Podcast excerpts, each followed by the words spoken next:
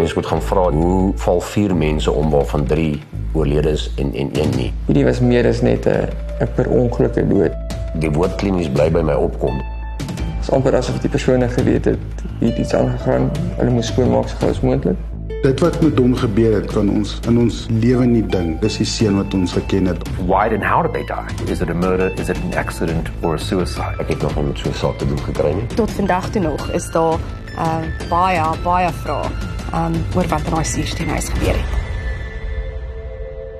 'n Driedubbele moord, bedwelmd, vermoor of selfdood.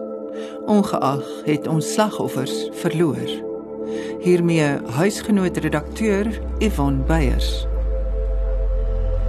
Dit klink soos die begin van 'n thriller fliek. 'n Man daag op by sy werkgewer se huis en begin met sy dagtake. Dan ontdek hy die liggame van twee vroue, die een dood, die ander bewusteloos. Binne die huis ontdek hy nog twee lyke, die van sy werkgewer en van 'n jong man. Maar daar is geen tekens van 'n misdaad nie. Daar's nie bloed op die toneel nie, daar's nie tekens van 'n inbraak nie. En wanneer ondersoekers later op die toneel opdaag, is die toneel na bewering silwer skoon en die huis netjies. En dit in die huis waar daar die vorige aand nog gekuier is. Nou daar is baie bespiegeling en beweringe oor wat gebeur het in die huis van die Pretoria se sakeman Theo Kleinhans op daardie noodlottige aand toe hy en twee van sy kollegas in die huis oorlede is. En ek dink nie een van ons kan al met sekerheid sê wat presies daar gebeur het nie, maar een ding is seker en dit is dat Theo se kollegas op die verkeerde tyd op die verkeerde plek was en dat nie een van hulle sou kon voorsien hoe dinge sou uitspeel toe hulle op 'n gewone Vrydagmiddag na werk vir drankies gegaan het saam met hulle baas nie. Op Saterdag 17 April 2021, net na 7 in die oggend, het 'n huisbestuurder by sy werk in Menlo Park opgedaag. Sy werkgewer was Theo Kleinhans, die besturende direkteur van Property Management Authority South Africa, oftewel Propman. Buite op die stoep het hy twee vroue gewaar. Dit het gelyk asof hulle net geslaap het. Een van die vroue het op 'n stoel gesit terwyl die ander een op die grond gelê het. Hy het aangeneem dat hulle te veel gedrink en daar aan die slaap geraak het. In die huis het hy sy baas Theo aan die voet van die trappe gevind waar hy langs 'n vierde persoon gelê het. Die twee mans, as ook die vrou wat op die stoel gesit het, was dood. Die vierde persoon, die vrou wat op die grond gelê het, het egter oorleef. Huisgenoot joernalis Karla Kutse het nie vir 'n oomblik gehuiwer nie en was reeds die maandagooggend besig om familielede op te spoor. So ons het die Sondag het al ons joernaliste begin gis want ons het gesien hierdie storie was in die koerant en ons het geweet ons gaan dit bitter vinnig moet opvolg want Maandag gaan ons moet probeer drukkers toe gaan met 'n storie. Ek en verskeie van my kollegas het toe daai Maandagoggend verskillende rigtings ingeboender om te probeer soveel as moontlik inligting bymekaar kry. Ons het by bure gaan aanklop by Mike Bolle se ondersoekspan probeer familie opspoor. Ehm um, maar natuurlik teen daai tyd was al die familie nog verskriklik getraumatiseer. So ons kon geen familie kry om daai maandag met ons te praat nie, maar ons het so stuk stuk begin om die legkaart bymekaar te sit. So dit was nogal 'n gerondjaagry, maar ons het dadelik geweet toe ons hoor van drie kollegas wat in 'n huis oorlede is, dat dit 'n storie is en buitengewoon. In 'n saak waar elke antwoord die vrae verdubbel, neig 'n mens terug na die toneel. Vir privaat ondersoeker Kali de Kok was die toneel die oorsprong van meeste van sy vrae. Dit dit is baie raaiselagtig in in in my lewe het ek dit nog nie gesien nie en 'n mens moet gaan vra hoe val vier mense om waarvan 3 oorlede is en een nie. Dis net snaaks dat vier mense omval van verskillende groottes, verskillende gewig, verskillende geslagte. Ek meen enige middel, enige drank wat jy drink gaan my as 'n kleiner ou en 'n groot ou verskillend, maar dat vier mense omval en nie tyd het om hulp te ontbied nie, is baie raaiselagtig. Dit was regtig vreemd geweest want hier's 'n besturende direkteur van 'n suksesvolle maatskappy en hy en twee van sy kollegas is dood in die huis gevind en ek het dadelik gedink dis moontlik dwelms maar die feit dat al drie byna blyk om op dieselfde tyd dood neer te slaan dit is natuurlik baie verdag Die woord klinies bly by my opkom. Die huis was soos in silwer, silwer, silwer skoon. Dit was vir my baie snaaks. Ek het nog nie met so 'n saak te doen gekry nie. En ek meen ek het hoeveel toneel en polisie gedoen as jy op 'n toneel kom, dis 'n selfmoord, dis 'n roof. Dis wat ook al, daar's evidence, daar's skote geskiet, mense is raak geskiet, daar's wat. Hier is mense wat daar lê wat wat volgens die butler net lyk like of hulle slaap en twee twee by mekaar. Ek meen uh, Theo en Mario op die trappe, die ander dametjie in die stoel en die ander dametjie agter op die grond. Per ongeluk, aspres of beide. Kliniese sielkundige en profielsamensteller professor Gerard Labeskagni glo 'n mens moet elke moontlikheid ondersoek. I think if I look at this particular case in Pretoria, it's kind of what we would call an equivocal death scenario. You don't exactly know is it a murder, is it an accident, or a suicide. So essentially, your investigation really has to explore all three of those avenues until you've ruled one or all of them, or at least or two of them out, and you're left with one realistic option. teen die tyd wat ons die storie gekry het en in haar eerste week, selfs 2 weke, was daar baie stukkies van die legkaart wat net nog nie beskikbaar was nie. Tot vandag toe nog is daar baie vrae oor wat in daai suursteenhuis gebeur het. Die drie slagoffers is Theo, wie sy huis dit is. Hy is die CEO van Propman. Hulle doen allerlei properties. Shariska het by hom begin werk en dan dieselfde met Mario, ek het ook vir hom gewerk en dan die dametjie wat Olive het werk ook vir Propman. So Theo Kleinhans was 60 jaar oud toe hy dood is en 'n suksesvolle besigheidsman. Hy het ook glo gereeld lekker uitspattige partytjies gehou by sy huis. Ek het met die een buurman gepraat en hulle sê daai spesifieke aand van sy dood het hulle niks gehoor of niks ja, niks werklik gesien nie. Theo het ook 'n fotografie besigheid gehad waar hy gespesialiseer het in fotos neem van mans As jy na Theo se sosiale media profile kyk, is baie van die foto's daarop van skraps geklede mans en baie eroties van aard. Liefdevol, hardkoppig en hardwerkend. Of so onthou Martie en Colin Forbes hulle seun Mario. Mario was baie lief vir sy sport. Hy was 'n baie sportiewe persoon gewees op skool. Hy's baie lief vir gym. Hy was 'n liefdevolle persoon, het 'n goeie hart. Hy sou enigiemand help as 'n persoon hulp nodig gehad het. Hy was 'n go-getter. Hy was hardwerkend. Hy het 3 jaar vir Propman gewerk en hy het hard gewerk om te kom waar hy is. Mario was ook baie koppig soos sy pa. As ek terugkyk na sy lewensverhaal, hy het alles ten volle gelewe. Hy het alles alles gegee. Sy vriende het geweet hulle kon op hom staat maak. Van die heel begin af het dit op sosiale media en mense, vriende en so aan wat ons gekontak het, het dit gebleik asof Shariska Kloppers 'n toegewyde ma is en nie heeltemal in die prentjie inpas nie. 'n Week na Shariska se dood het ons by mamma gaan aanklop by Rita. Shariska het glo elke middag as sy by die huis kom, uh, na werk, het sy en haar ma en die drie kinders almal gesit en aandete eet en dan sy saam met elke liewe kind deur hulle huiswerk gegaan en seker gemaak alles is gedoen, bietjie gesels. Ouma Rita het nog vir my gewys. Hulle het 'n crafting corner in die huis die vorige naweek bymekaar gesit waar Shariska en die kinders verskillende goedjies gemaak het. Finger puppets en klomp sulke dinge. En sy was glo baie lief om sulke dinge te doen en regtig betrokke by die kinders se welstand. Shariska het nog net 3 maande by Propman gewerk. Sy was nog onder haar probasie tydperk. Sy sou aan die einde van April permanent aangestel geword het. Sy het groot drome gehad om 'n bestuurder te word en sy het regtig vooruitgestreef. Daai Vrydagoggend het hulle nesouder gewoonte, is Shariska saam met haar ma en drie kinders skool toe en sy het toe saam met een van haar ander kollegas die oggendwerk toe gery. Haar ma het altyd haar kar gebruik om die kinders rond te karwei. Die middag sou Shariska dan nou saam met of die kollega wat sy altyd in die oggende mee saamry of saam met Mario huis toe ry. Sy het toe later die middag haar ma laat weet hulle gaan vir drankies na werk. Weereens was dit die eerste keer dat ehm um, Shariska enigstens 'n drankie na werk of enigiets soos dit saam met haar kollegas drink. Die aand van die geval het ons uitgevind dat Theo 'n groot deel van vier het so uit toe vir 10 of 15 mense bespreek. Bronne wat by die kuierplek was, sê Shariska het letterlik twee Coke Lights gedrink. Dit is dit. En haar ma sê ook sy het amper nooit alkohol eers gedrink nie. Sy sou af en toe 'n glasie wyn of so aandrink. 20 oor 7 daai aand het sy haar ma gekontak en vir haar gesê ons is besig. Ek sien maar oor 'n klein rukkie. Ek wag net vir my lift. Dit gaan nie lank wees nie. En dit was die laaste keer wat haar ma gevra het. Ons het die tydlyn gaan opvolg met CCTV kameras met vergunning van die mense by die plek. Hulle het so 6 uur daar aangekom en hulle is 22:17 in die aand is hulle van daar af huis toe. Ons het ook baie mooi na die voetjies gaan kyk om te kyk hoe hulle by hulle voertuie uitkom. Dit het gelyk asof hulle normaal is. Hulle was nie enigsins uh onder die invloed um, van enige alkohol nie. Dit het ook nie gelyk of hulle onder weet so is dat mense hulle moes karre toe sleep nie.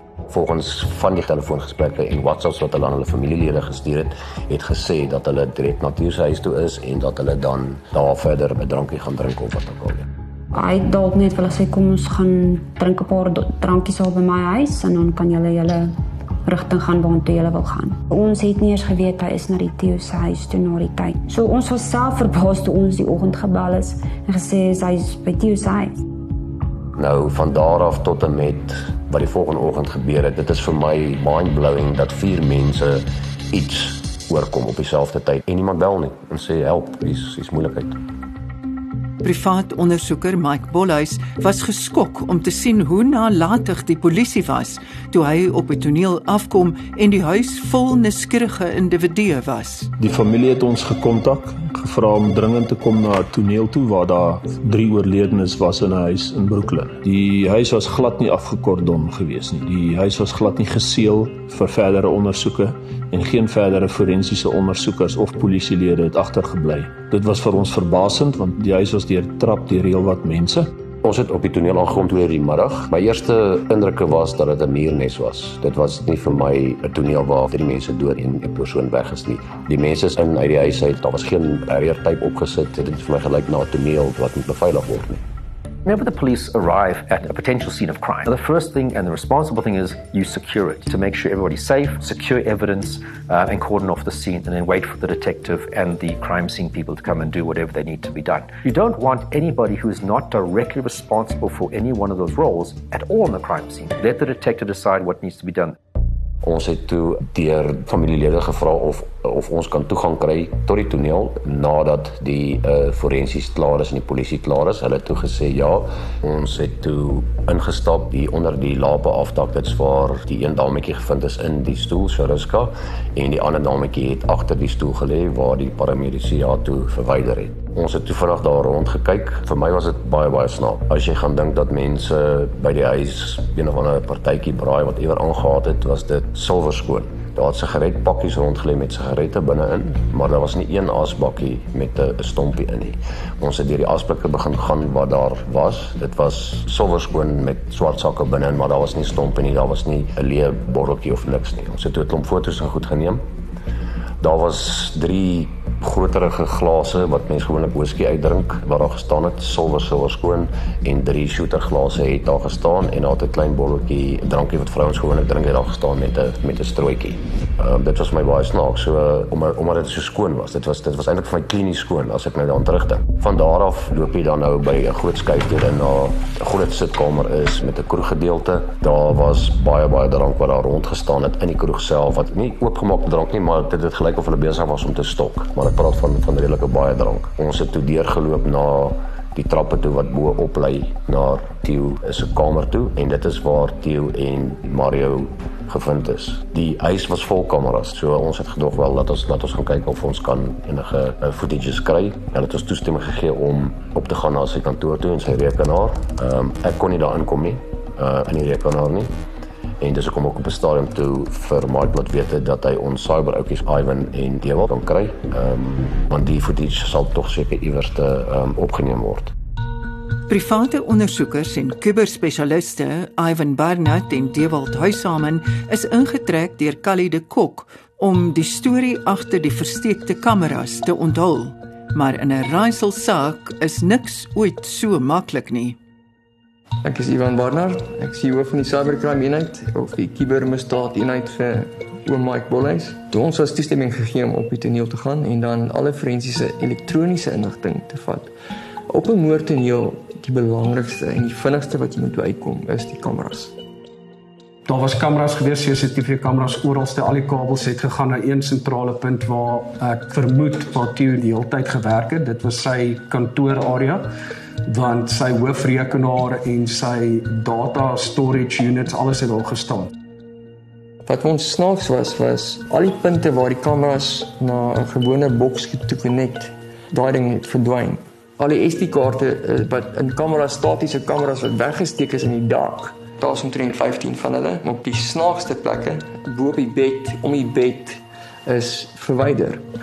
Um met protokol gevolg natuurlik het ek toe eers na die rekenaar toe gegaan om 'n deeglike ondersoek op die rekenaar te doen om te kyk of daar van hierdie video footage as daar was nie dalk gestoor is op die rekenaar. En daar's 'n hele baie ingewikkelde prosedure en stappe wat ons volg om te kyk is daar ook weggesteekte data erns. Ek het 'n deeglike ondersoek op die rekenaar gedoen en ek kon niks bewyse kry van CCTV footage op die rekenaar nie. Dit is nie normaal op 'n op 'n toneel dat ewe skielik al die SD-kaarte en dan nog die main DVR box weg is nie.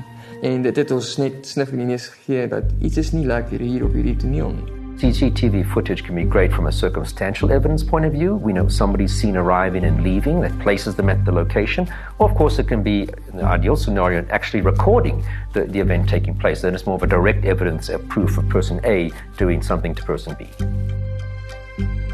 Op daai stadium het ek en Ivan toe saam gegaan verder deur die huis gesoek en gekyk vir enige ander weggesteekte kameras of die DVR dalk op 'n uh, ander plek kon gestaan het wat tegnies onmoontlik was toe vind ek op verskeie plekke skedule 6 of skedule 5 pille. Pak nou net uit die daar's nog 'n domikum 15 mg is ongelooflik hoog. En daar's van die pille wat jy net in 'n hospitaal kan kry. Ehm um, met spuitnaalde, baie dun naalde. Het ons 'n 750 ROC report gemaak hier Pfizer en word uh 750 whatever dit is. Hier is hulle by 200 wat so lyk. Like. Domicum 15 mg wat so lyk, blou van kleur. Alcohol swipes is duidelik vir die inspuit. Die Baxen 750 mg en Celebrex. En daar snaakse sakkies met onbekende ehm um, substances in uh, wat ons nie ken nie. Ehm um, wat ons vermoed is dalk iets maar met spuitnaalde met 'n lighter met 'n lepeltjie daar was oorweldigend baie van dit gewees. Daar's verskeie pille in goed in die huis gekry. Skedule 6 pille wat mens blykbaar nie deur apteek kan kry nie. Toe maak ons 'n inventaris daarvan. Ons het dit in 'n bewysstuk sakkie gesit en oorhandig aan die Brooklyn speurder. My span het natuurlik op goed afgekom wat onmiddellik verwyder moes word. Daar was geen ander keuse en dit is ingeboek by Brooklyn Polisiestasie vir die ondersoekbeamptes.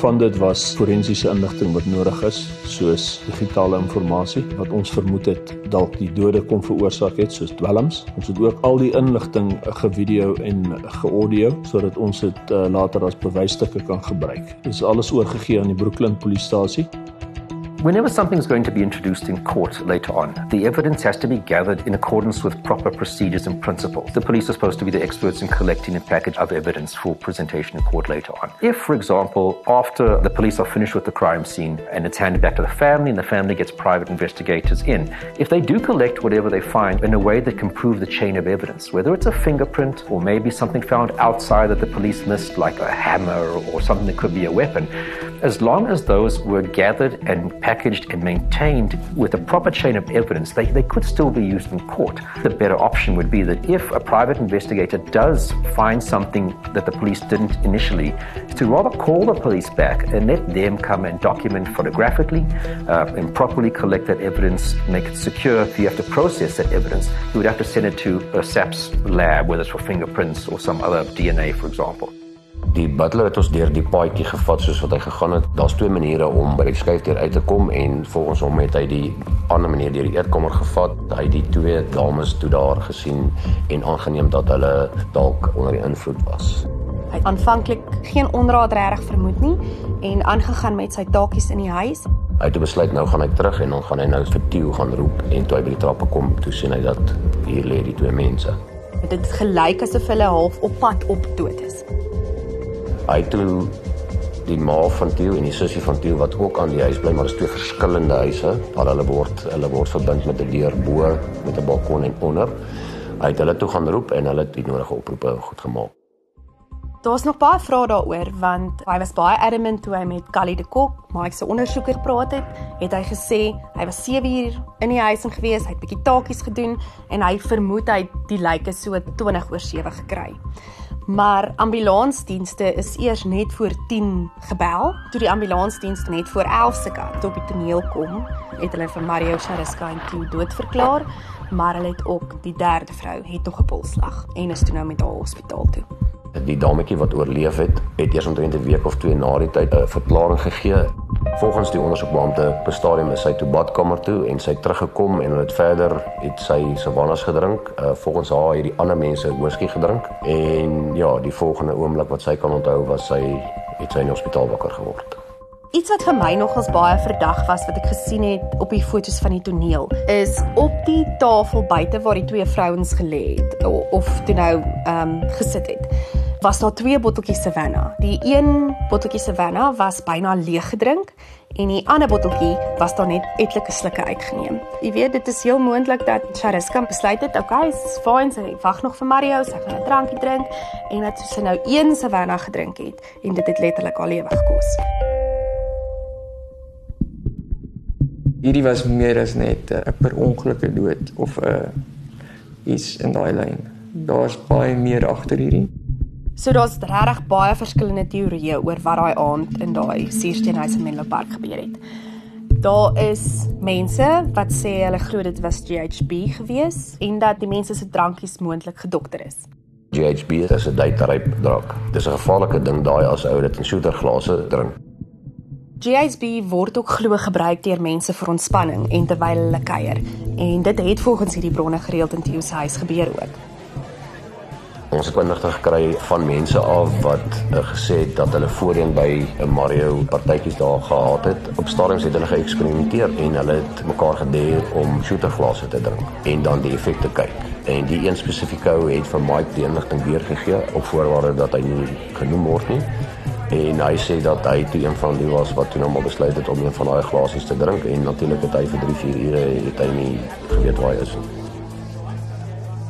During my time in the police, I worked on many high profile cases, and one thing that almost always pops up are the rumors the rumors about the suspects, the rumors about the victims. So you might have a, a victim who's generally a decent person, but suddenly people come in with the sideline rumors of actually they were involved in drugs, actually they were involved in bizarre sex parties, etc., etc. And one has to be very, very careful about that for a number of reasons. Firstly, the person's not there to defend themselves, and secondly, those types of things can really derail and detract an investigation down avenues that really have no basis or substance to them.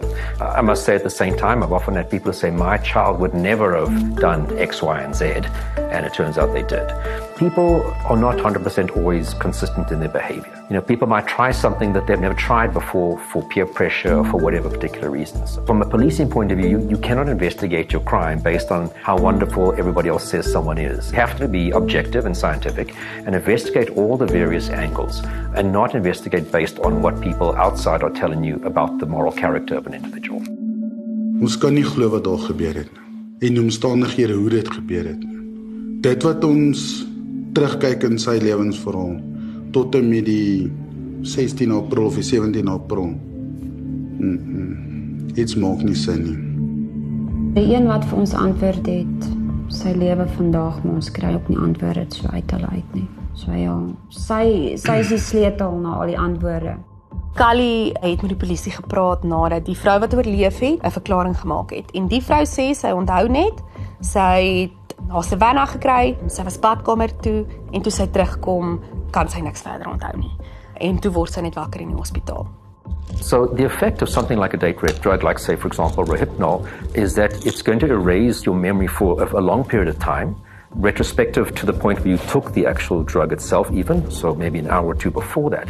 But you know you're not going to recover those memories with time. You're not going to recover those memories through something like hypnosis. Those memories are really just not present in your brain. So in that sense rape drugs are very effective in making it difficult for people to remember exactly what happened, which of course makes them not great witnesses later on in court or when they want to go open up a criminal case, they themselves can't remember. Colin bly vra vra. Ek meen ek is daagliks met hom in kontak en hy probeer inligting by die polisie kry, maar soos wat ek verstaan, die polisie is baie ver agter met sekere sake. Die nadeelse ondersoek verslag is nog nie beskikbaar nie. So ons weet nie wat in die drie mense se bloedstrome is nie en ons weet ook natuurlik nie of hulle alles gaan kan optel wat in hulle bloedstrome was nie. Ek was self 'n polisieman, so ek is nie besig om die polisie diens te badmouth nie. Daar's verskeie redes hoekom goed lank vat. Ons het 'n groot lockdown gehad.